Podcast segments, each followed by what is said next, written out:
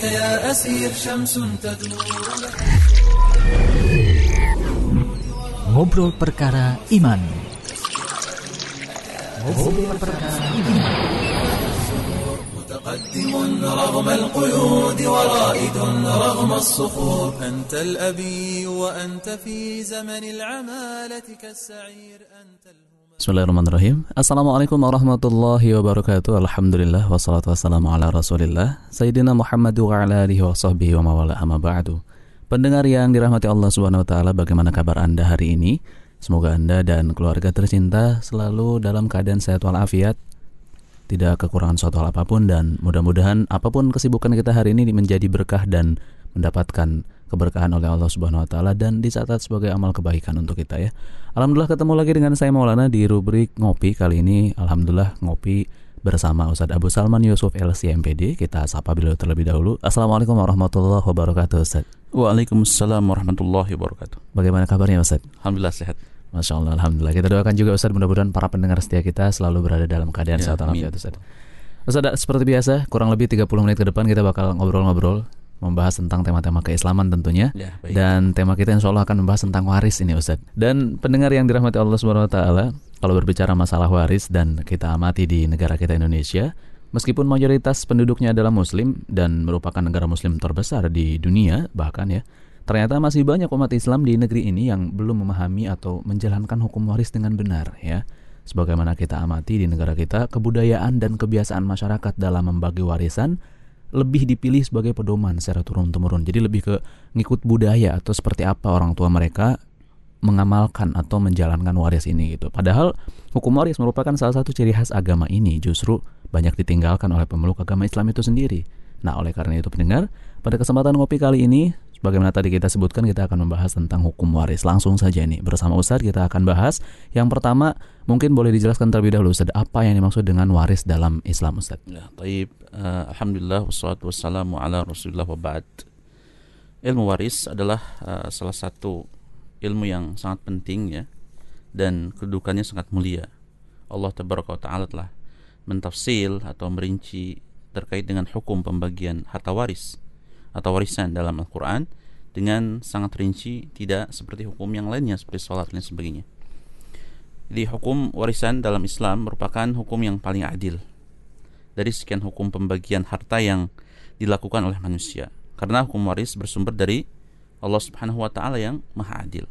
Namun eh, saat ini banyak ya dari kaum muslimin sendiri yang telah eh, melupakan ilmu tersebut dengan tidak mempelajarinya atau tidak mengamalkan ilmu tersebut. Dalam Islam, ilmu waris dikenal juga dengan nama lain ya, yaitu ilmu faraid.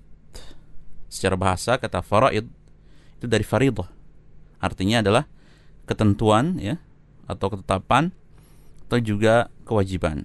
Adapun secara istilah syar'i, faraid merupakan ilmu yang mempelajari tentang pembagian harta warisan atau tarikah kepada yang berhak menerimanya ya. Adapun sasaran atau objek pembahasan ilmu waris adalah terkait dengan harta peninggalan si mayit. Adapun sumber dalil ya dalam ilmu waris adalah Al-Qur'an, lalu As-Sunnah dan e, ijma para sahabat. Adapun hukum mempelajari ilmu waris adalah e, fard kifayah dan mengamalkannya adalah wajib pada saat pembagian harta warisan. Dalam ilmu waris terdapat istilah tarikah ya atau harta peninggalan pusaka ya. Peninggalan mayit yaitu segala sesuatu yang ditinggalkan oleh mayit berupa harta yang ia peroleh selama eh, hidupnya atau hak mayit yang ada pada orang lain seperti barang yang dihutangi atau gajinya. Adapun harta yang tidak berhak diwariskan di antaranya itu pertama harta yang telah diwakafkan oleh mayit. Jadi yang sudah diwakafkan yang tidak diwariskan. Ahli waris tidak bisa menuntut itu. Seperti tanah misalnya untuk kemudian juga bangunan, kendaraan, perhiasan dan yang lainnya. Yang kedua, eh, harta yang diperoleh dengan cara haram, ya, seperti barang curian ini diwariskan. Korupsi, hasil eh, prostitusi dan yang lainnya, harta tersebut wajib dikembalikan kepada pemiliknya atau diserahkan kepada yang berwenang. Kemudian eh, hikmah ya dari adanya syariat e, pembagian warisan di antaranya adalah pertama menghindarkan terjadinya persengketaan dalam keluarga. Yang kedua, menghindari timbulnya fitnah harta atau godaan harta. Yang ketiga, mewujudkan keadilan dalam keluarga dan masyarakat. Jadi Masya Allah Islam ini agama yang sempurna telah mengatur hak waris dengan sedemikian rupa dengan memperhatikan keadilan kepada pihak keluarga yang ditinggalkan dengan permasalahan yang akan dihadapi tidak peduli pada zaman apa pun ya.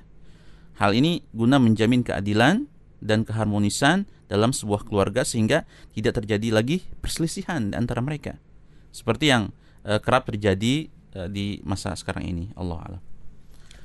Baik, alhamdulillah sudah cukup jelas insya Allah ya bagaimana Ustadz tadi sudah menjelaskan sumber waris itu dari mana gitu ya berupa harta peninggalan mayit tadi harta, gaji ataupun segala macamnya.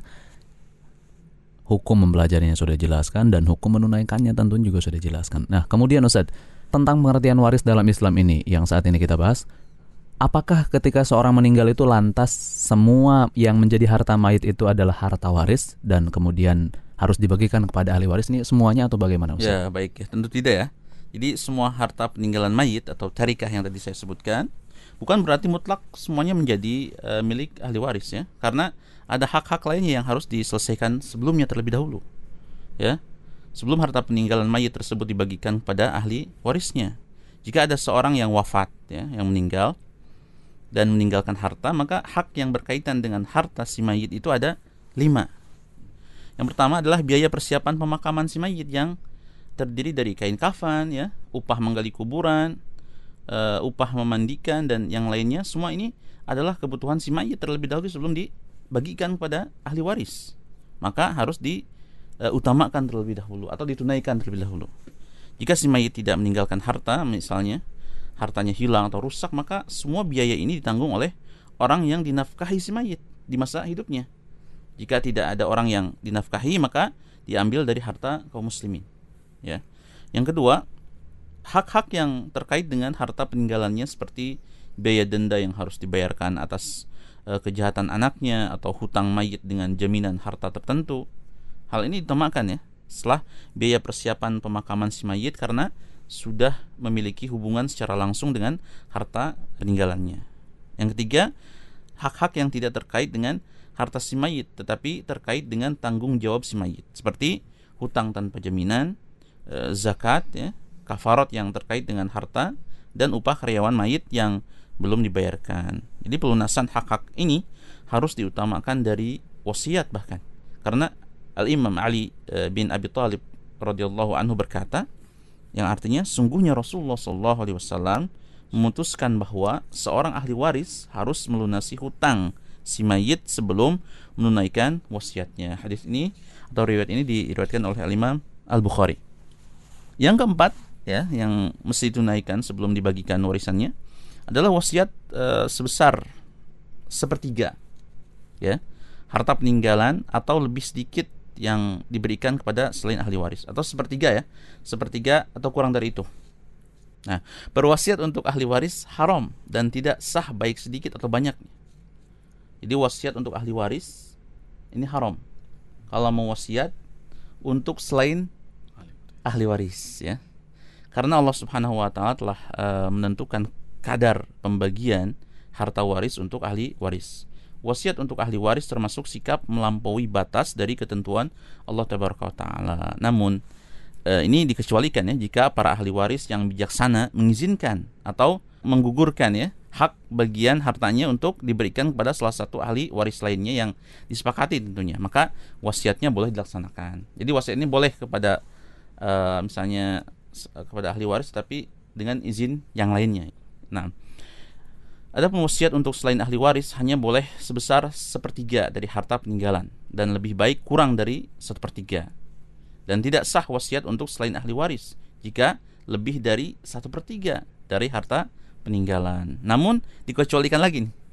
Ya, jika para ahli waris yang bijaksana membolehkan wasiat lebih dari satu per tiga, maka wasiatnya boleh dilaksanakan.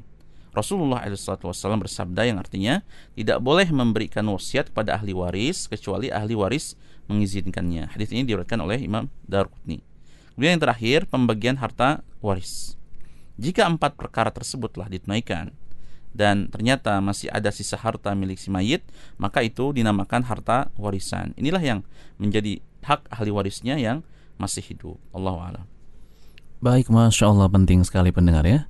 Mungkin banyak di antara kita yang baru tahu bahwa yang tadi disampaikan bahkan yang terakhir mungkin poinnya adalah haram atau tidak boleh si mayit ini berwasiat kepada ahli warisnya ya. Padahal ini banyak terjadi di antara kita. Ya, karena masing-masing sudah ada bagiannya. Nah, betul Ustaz gitu. Jadi, Jadi yang menimbulkan ini ketidak apa ya? Ketidaksukaan yang lainnya apa? Cemburu lah. Nah, betul Ustaz. Nah, mungkin kebanyakan dari kita atau yang mungkin bisa biasa disajikan di televisi di mana ini ada wasiat dari almarhum gitu kan diberikan harus kepada seorang ini seseorang anak misalkan harus sekian gitu. Padahal ini ternyata tidak diperbolehkan kecuali memang tadi mendapat izin dari ahli waris yang lain gitu ya. Bahkan tadi sebelumnya disampaikan yang lebih penting ada hak-hak yang harus ditunaikan terlebih dahulu sebelum dibagikan waris itu ya. Nah, kemudian Ustadz selanjutnya, kalau berbicara masalah waris tentunya juga ada hal-hal yang menggugurkan Ustadz ya. Nah, mungkin boleh disampaikan juga apakah ada syarat-syarat tertentu Ustadz nih mengenai si ahli waris ini berhak mendapatkan harta waris itu Ustadz? Ya. ya tentu ada ya, e, dijelaskan oleh para ulama dalam kitab-kitab mereka. Jadi harta warisan yang menjadi hak ahli waris harus terpenuhi rukun dan syarat-syaratnya ya. Jika salah satu dari rukun dan syarat warisan tidak terpenuhi, maka harta peninggalan mayit itu tidak berhak diberikan kepada ahli warisnya. Ya, adapun rukun warisan ada tiga ya. Satu pewaris ya si mayit. Yang kedua adalah ahli waris yang menerima harta warisan. Yang ketiga adalah harta peninggalan si mayit yang diwariskan yang disebut tarikah tadi. Adapun syarat warisan ada tiga juga. Pertama kematian e, pewaris kematian pewaris yaitu mayit. Baik e, kematiannya secara hakiki e, atau dihukumi telah mati. Orang yang dihukumi telah mati contohnya orang yang hilang karena sebab bencana alam atau yang lainnya yang menurut dugaan kuat orang itu telah meninggal dan setelah upaya pencarian yang maksimal ya. Yang kedua ahli waris masih hidup setelah kematian pewaris walaupun hanya sesaat ya baik hidup secara hakiki ataupun dihukumi hidup. Orang yang dihukumi hidup adalah seperti janin yang ada dalam kandungan ibunya dan diketahui telah terbentuk wujudnya kemudian lahir dalam keadaan hidup. Yang ketiga adalah e, mengetahui sebab-sebab e, warisan. Seseorang berhak mendapatkan harta warisan karena adanya sebab dan tidak ada penghalang ya yang menghalanginya. Adapun sebab-sebab orang mendapatkan warisan ada tiga juga. Yang pertama nasab kekerabatan. Kekerabatan adalah hubungan antara dua orang dengan sebab kelahiran dari hasil pernikahan yang sah. Yang kedua nikah pernikahan, yaitu disebabkan terjadinya akad suami dan istri yang sah secara syariat Islam. Ya, sekalipun belum melakukan hubungan suami istri atau belum sempat berduaan dalam satu kamar. Yang ketiga membebaskan budak ya. Membebaskan budak juga uh, yang membebaskan itu berhak untuk mendapatkan uh, warisan. Yaitu sebab karena seorang yang memerdekakan seorang budak. Budak yang dimerdekakan memiliki hubungan khusus yang dekat dengan orang yang memerdekakan tadi ya. E, jika budak yang telah dimerdekakan meninggal dunia maka hartanya diwariskan oleh atau diwarisi oleh orang yang memerdekakannya tadi. Sedangkan penghalang ya, yang menghalangi seorang mendapatkan harta warisan ada tiga, yaitu pertama budak. Jadi harta seorang budak tidak diwarisi dan tidak memiliki ahli waris, tetapi menjadi milik sayyidnya, tuannya, pemilik budak tersebut. Yang kedua, pembunuhan al-qatslu ya. Jadi pembunuhan yang menyebabkan pelakunya tidak menerima warisan adalah pembunuhan tanpa ada alasan yang benar. Seperti seorang keponakan membunuh pamannya dengan tujuan untuk segera mendapatkan warisan ini jelas tidak eh, terhalang ya dari eh, keberhakan dia untuk mendapatkan warisan. Adapun pembunuhan yang dibenarkan oleh syariat seperti kisos, dirajam karena zina bagi yang sudah eh, menikah tetap mendapatkan warisan. Yang ketiga, perbedaan agama. Jadi seorang ketika berpindah agama dari muslim menjadi eh, apa namanya? murtad misalnya, ini tidak saling mewarisi ya. Jadi orang kafir tidak mewarisi kepada orang muslim. Ini penjelasannya seperti itu ya. Jadi semua itu ada rukun dan syaratnya dan ada sebab yang bisa membatalkan seorang itu yang awalnya berhak menjadi tidak berhak lagi ya seperti tadi. Allahu a'lam. Baik, Masya Allah, semakin mendalam pembahasannya ya Bagaimana tadi ternyata ada juga hal-hal yang membatalkan Seperti barusan disebutkan pembunuhan ataupun pindah agama Nah, selanjutnya ini Ustadz Kalau dari tadi kita menyinggung tentang Beberapa kali menyinggung ahli waris, ahli waris. Nah, sebetulnya apa yang dimaksud dengan ahli waris itu secara detail Ustadz Dan mungkin boleh disebutkan juga siapa saja ahli waris dari si mayit itu Ustadz Baik ya. Adapun ahli waris adalah orang-orang yang berhak menerima harta warisan. Ahli waris bisa dikelompokkan menjadi empat kelompok ya. Ahli waris berdasarkan sebab, ahli waris berdasarkan uh, jenis kelamin, ahli waris berdasarkan jauh dekatnya hubungan kekerabatan dan ahli waris berdasarkan jumlah bagian yang diterima. Tentu waktu yang ada tidak akan cukup untuk menjelaskan semua ahli waris e, itu ya dan rincian bagiannya. Namun secara ringkas ahli waris yang dimaksud adalah ahli waris jika ditinjau dari sebab-sebab seorang mendapatkan warisan dan dapat dikelompokkan menjadi tiga kelompok. Yang pertama adalah ahli waris sebab adanya hubungan nasab, yaitu ahli waris yang mendapatkan warisan karena sebab keturunan. Mereka terdiri dari empat jalur. Jalur pertama adalah jalur induk atau leluhur ya. Jalur ke atas lah kalau bahasa eh, faraidnya itu ke atas itu ahli waris yang merupakan leluhur mayit. Mereka adalah bapak ya, kemudian ibu, kakek dari bapak yaitu bapaknya bapak. Kemudian keempat adalah nenek dari bapak yaitu ibu bapak. Kemudian e, kelima nenek dari ibu yaitu ibunya ibu dan seterusnya ke atas. Ya ini jalur yang ke atas ya, ada jalur ke atas, ke pinggir dan ke bawah nanti akan dijelaskan. Yang Selanjutnya adalah jalur keturunan, yaitu ahli waris yang merupakan anak keturunan dari mayit. Ini ke bawah. Jalur ini adalah yang terdekat dengan mayit dan mereka didahulukan dalam menerima warisan sebelum ahli waris yang lainnya. Mereka adalah anak laki-laki, kemudian anak perempuan, cucu laki-laki dari anak laki-laki dan seterusnya ke bawah. E, yang terakhir adalah cucu perempuan dari anak laki-laki. Ini jalur ke bawah ya. Kalau tadi pertama adalah jalur mayit ke atas ya leluhurnya kalau sekarang yang kedua adalah jalur mayit ke bawah hubungannya anak dan seterusnya yang selanjutnya adalah ketiga jalur saudara-saudara terdekat. Ini ke pinggir. Ya mereka adalah saudara-saudara mayit. Mereka disebut hawashi al-karib. Ini disebut juga hawashi al-karib. Ke pinggir ya hubungan ke pinggir. Karena kedudukan mereka yang dekat dengan mayit melalui perantara bapak setelah jalur keturunan dan jalur leluhur. Mereka adalah yang pertama saudara laki-laki sekandung, kemudian saudara perempuan sekandung, saudari perempuan sekandung, kemudian saudara laki-laki sebapak, saudari perempuan eh, sebapak, anak laki-laki dari saudara laki-laki sekandung, anak laki-laki dari saudara laki-laki sebapak. Yang ketujuh saudara laki-laki seibu. Yang terakhir saudari perempuan seibu. Kemudian jalur yang lainnya adalah jalur paman. Mereka adalah paman sekandung, kemudian paman sebapak, anak laki-laki dari paman sekandung, anak laki-laki dari paman sebapak. Yang selanjutnya adalah ahli waris karena sebab ikatan pernikahan yang sah berdasarkan syariat Islam. Mereka adalah suami dan istri. Kemudian ahli waris karena sebab membebaskan budak laki-laki atau perempuan yang telah membebaskan e, budak tertentu mendapatkan warisan dari mantan budak yang telah dibebaskan dengan syarat mantan budak tersebut tidak memiliki ahli waris, nasab atau hubungan pernikahan.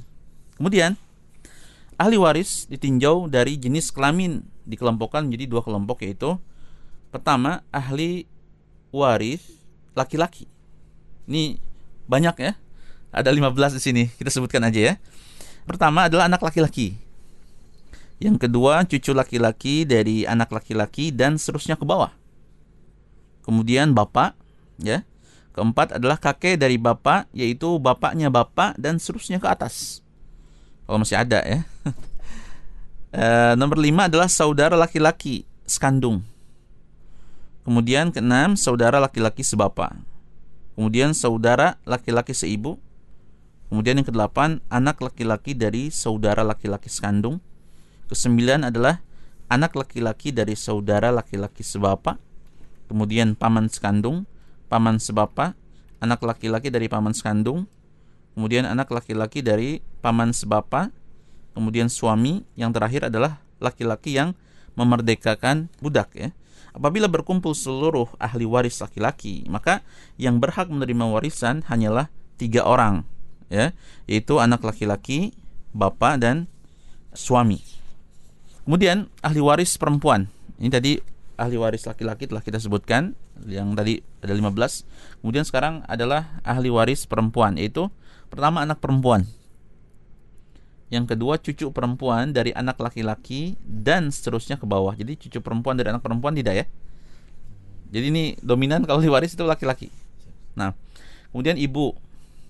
Kemudian nenek dari bapak yaitu ibunya bapak. Kemudian yang kelima, nenek dari ibu yaitu ibunya ibu. Keenam, saudari perempuan sekandung. Ketujuh, saudari perempuan sebapak. Delapan, saudari perempuan seibu sembilan e, istri dan terakhir sepuluh adalah perempuan yang memerdekakan budak. Apabila berkumpul seluruh ahli waris kelompok perempuan, maka yang berhak menerima warisannya hanya lima orang, ya, yaitu anak perempuan, kemudian cucu perempuan dari anak laki-laki, ibu, saudari perempuan kandung dan istri. Apabila berkumpul seluruh ahli waris laki-laki dan perempuan, maka yang berhak menerima warisan hanya lima orang saja, yaitu anak laki-laki, anak perempuan, bapak, ibu, suami atau istri.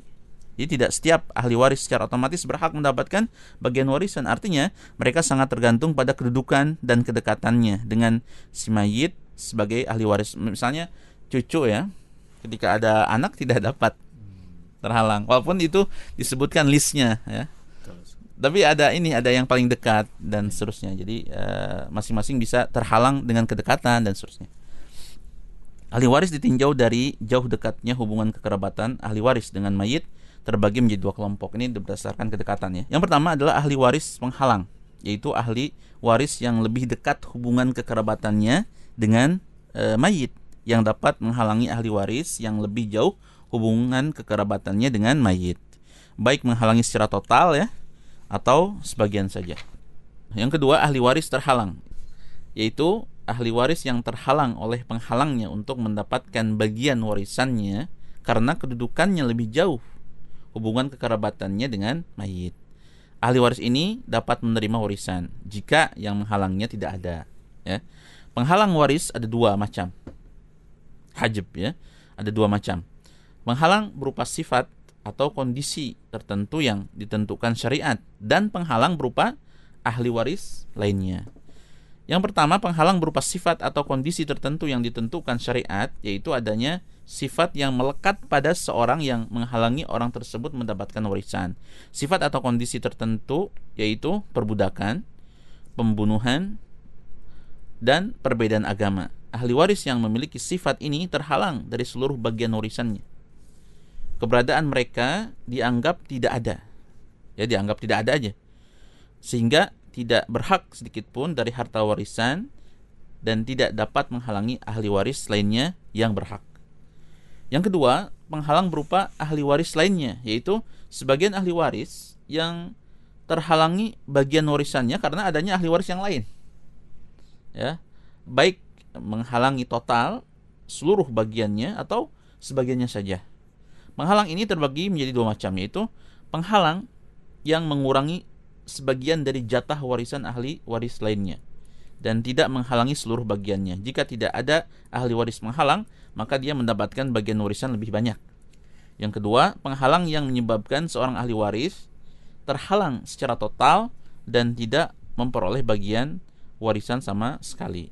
Allah Baik, masya Allah ya sangat banyak sekali ternyata ahli waris yang berhak menerima ini dan tentunya catatannya tadi ada ahli waris yang juga menghalang Ustaz ya? Ya, menghalang. Ya kayak misalkan tadi uh, misalkan kalau memang orang tuanya itu sudah tidak ada baru ke yang di bawahnya begitu Ustaz ya.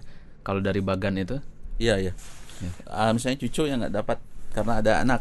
Oh iya, baik. Baik, Masya Allah. Uh, Itulah penjelasannya pendengar ya. ya. Kemudian juga saudara mayit, huh? paman itu kalau ada anak tidak ya. bisa. Oh iya, baik. Kita lanjutkan Ustaz selanjutnya ini. Dalam realita masyarakat kita nih masih kurang memperhatikan tentunya tentang pembagian waris yang sesuai dengan syariat Islam seperti yang tadi Ustadz uraikan panjang itu. Nah, menurut sepengetahuan Ustadz, apa saja kesalahan yang umumnya biasa terjadi di masyarakat dalam pembagian waris yang kita tahu mungkin uh, justru kebanyakan lebih besar anak perempuan biasanya Ustadz. Nah, ini seperti apa Ustadz? Oke okay, ya. Uh, ini memang harus di, dijelaskan. Banyak sekali kesalahan yang melanggar syariat Islam terkait pembagian harta warisan. Di antara kesalahan-kesalahan ini ada yang termasuk dosa besar, kabirah min kabairid dzunub. Allahu akbar. La haula wala quwwata illa billah bertentangan dengan ketentuan Allah tabaraka taala dalam Al-Qur'an. Di antara kesalahan-kesalahan atau kekeliruan-kekeliruan dalam pembagian harta warisan yang banyak terjadi di kalangan masyarakat atau sebagian kaum muslimin, yaitu yang pertama menyamakan e, menyamaratakan jumlah bagian anak laki dan perempuan. Padahal walid zakari mislu hadzil un sayain. Ya. Jadi perempuan itu adalah setengah daripada e, bagian laki-laki. Nah, kemudian membagi sama rata harta warisan kepada seluruh ahli waris. Padahal ashabul furud apa namanya yang berhak membagi eh yang mendapatkan warisan itu itu ada furudul muqaddarahnya. Bagian-bagian yang sudah dikadarkan oleh Allah Subhanahu wa taala. Yang ketiga adalah membagi harta warisan ketika pemilik harta waris masih hidup. Nah, ini bukan waris kalau mayitnya masih hidup. Iya, Dikatakan warisan itu ketika sudah meninggal yang punya hartanya. Syaratnya tercukupi semua. Iya, tadi kan ada syarat ya meninggalnya mayit dan seterusnya. Ini mungkin hibah atau apa jadinya bukan warisan. Nah, kemudian yang keempat adalah tidak memisahkan kepemilikan harta suami istri uh, gini lah kalau bahasa kita ini harus dipisahkan dengan jelas karena suami akan mewarisi dari harta istri dan sebaliknya ada ada ada kadarnya dalam Islam sehingga sulit membedakan mana harta milik suami dan mana harta milik istri. Yang kelima, harta suami yang wafat dikuasai istri atau sebaliknya dan tidak diberikan kepada ahli waris lainnya yang berhak. Kemudian yang keenam, membagikan harta warisan kepada orang yang tidak berhak menerima tanpa izin dari ahli waris. Seperti tadi itu uh, wasiat ya kepada mungkin kepada kepada ahli sama-sama ahli waris itu kan tidak boleh. Kemudian wasiat lebih dari satu per tiga juga tidak uh, tidak dibenarkan dalam uh, Islam. Kemudian yang ketujuh adalah membagi-bagi harta warisan berdasarkan kesepakatan karena menghindari hukum waris yang telah ditentukan oleh Allah wa Ini keliru, keliru yang sangat besar. Kemudian yang kedelapan adalah menunda-nunda pembagian harta warisan sampai para ahli waris meninggal. Yang kesembilan adalah membagi-bagikan harta warisan sebelum dilunasinya hutang-hutang mayit. Padahal tadi yang didahulukan adalah tanggungan-tanggungan mayit termasuk mm, apa perawatan mayit seperti kafan dan sebagainya, hutang dan sebagainya ini harus didahulukan sebelum uh, dibagikan ke ahli uh, waris ya. Kemudian yang ke-10 adalah memberikan wasiat harta lebih dari sepertiga kepada selain ahli waris atau ahli waris sendiri tanpa izin dari seluruh ahli waris. Nah, oleh karena itu, maka penting ya bagi setiap muslim uh, untuk mengetahui tentang ilmu waris ini. Atau paling minimal bertanya kepada ahlinya. Fasalu ahla dzikri in kuntum la ta'lamun. Tanyalah kepada orang yang pak dalam itu ya yang spesialis tentang itu. Ahlinya maka jika kalian tidak tahu. Ketika hendak membagikan harta waris ya bertanya ya ketika dia tidak tahu. Agar sesuai dengan pembagian yang ditetapkan oleh syariat Islam. Allahu a'lam. Baik, masya Allah. Ini catatan pentingnya pendengar ya dari rangkaian ngopi kita kali ini membahas tentang waris. Tadi kesalahan-kesalahan yang harus kita perhatikan ya. Mungkin yang sering banyak kita jumpai adalah tadi menyamakan setiap ahli waris hmm. atau menyamakan anak laki-laki dan perempuan sama, -sama anak ya. beda beda kan. Nah, itu ada Tapi kan yang lebih tahu siapa? Yang nah, menciptakan kamu, yang menciptakan anak kamu itu siapa gitu kan? Allah. Betul, masya Allah ya. Ini yang perlu kita perhatikan pendengar dan juga tadi juga yang sering terlewat adalah menunaikan hak-hak mayit yang oh, tadi itu. gitu Ustaz ya. Karena terburu-buru pengen iya, ini ya, pengen bagian. segera mendapat waris. Atau mungkin tidak jarang juga yang seperti tadi Ustaz sebutkan Ustaz, sebelum meninggal sudah dibagi-bagi Oh iya, gitu betul. Ya. Ini juga Masya Allah ya. Baik pendengar, masih seru sekali sebenarnya pembahasan tentang waris kita ini. Sayang sekali kita terbatas dengan waktu ngopi yang kita hanya 30 menit lebih dan mungkin terakhir ini Ustaz. Ada pesan yang ingin Ustaz sampaikan nih apa saja pesan yang ingin Ustaz sampaikan tentang terkait tentang pembagian waris ini Ustaz. Baik ya. Jika uh, kita membaca kembali ayat-ayat Al-Qur'an tentang uh, faraid atau waris, maka akan kita dapati bahwa Allah tabaraka taala telah memberikan isyarat ya sinyal-sinyal bahwa hukum waris dalam Islam itu ditetapkan berdasarkan ilmu dan hikmah Allah Subhanahu wa taala. Allah Subhanahu wa taala yang mengetahui apa yang maslahat e, bagi umatnya ya, bagi kita semua. Hal ini bisa kita renungkan ketika Allah Subhanahu wa taala selesai menyebutkan tentang hukum waris dan bagian masing-masing ahli waris, Allah tabaraka wa taala menutupnya dengan firman Allah, "Faridatan minallah. Innallaha kana aliman hakima." Ini adalah ketetapan Allah. Ketetapan dari Allah. Sungguhnya Allah Maha mengetahui lagi Maha bijaksana. Ya, menyebutkan sifat yang bijaksana setelah uh, menyebutkan rangkaian terkait dengan rincian ilmu atau hukum waris dalam surat An-Nisa itu ya. Dalam ayat ini terdapat faidah luar biasa sekali ya. Ketika Allah menyebutkan dua sifat Allah yang mulia setelah menyebutkan ketentuan hukum waris yaitu sifat al-ilmu maha mengetahui dan al-hikmah maha bijaksana.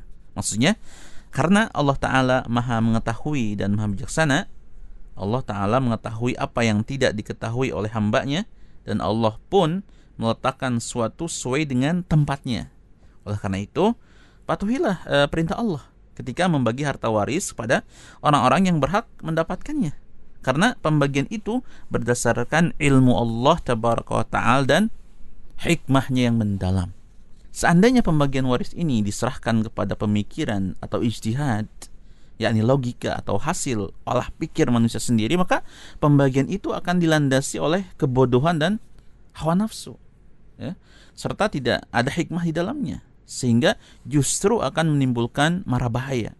Oleh karena itu, Allah taala menyifati Eh, bahwa hukum Allah itu adalah hukum yang paling baik, paling bijaksana.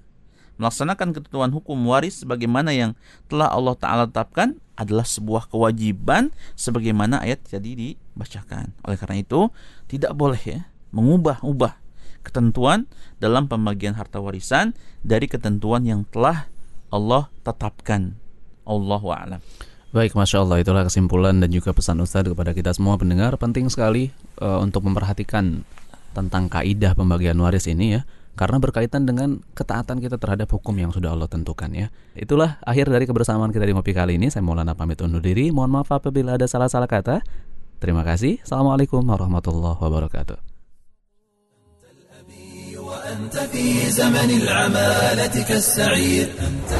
Baru saja Anda menyimak Ngobrol Perkara Iman. Layangkan pertanyaan Anda terkait obrolan yang dibahas. Jawaban dari pertanyaan akan dijawab pada tanya jawab SMS. وقف الزمان أمام سجنك يحتفي بدم النحور متوشحا بالعزم قد نام الأراذل في الخدور وقف الزمان أمام سجنك يحتفي بدم النحور أنت الهمام أنت الهمام.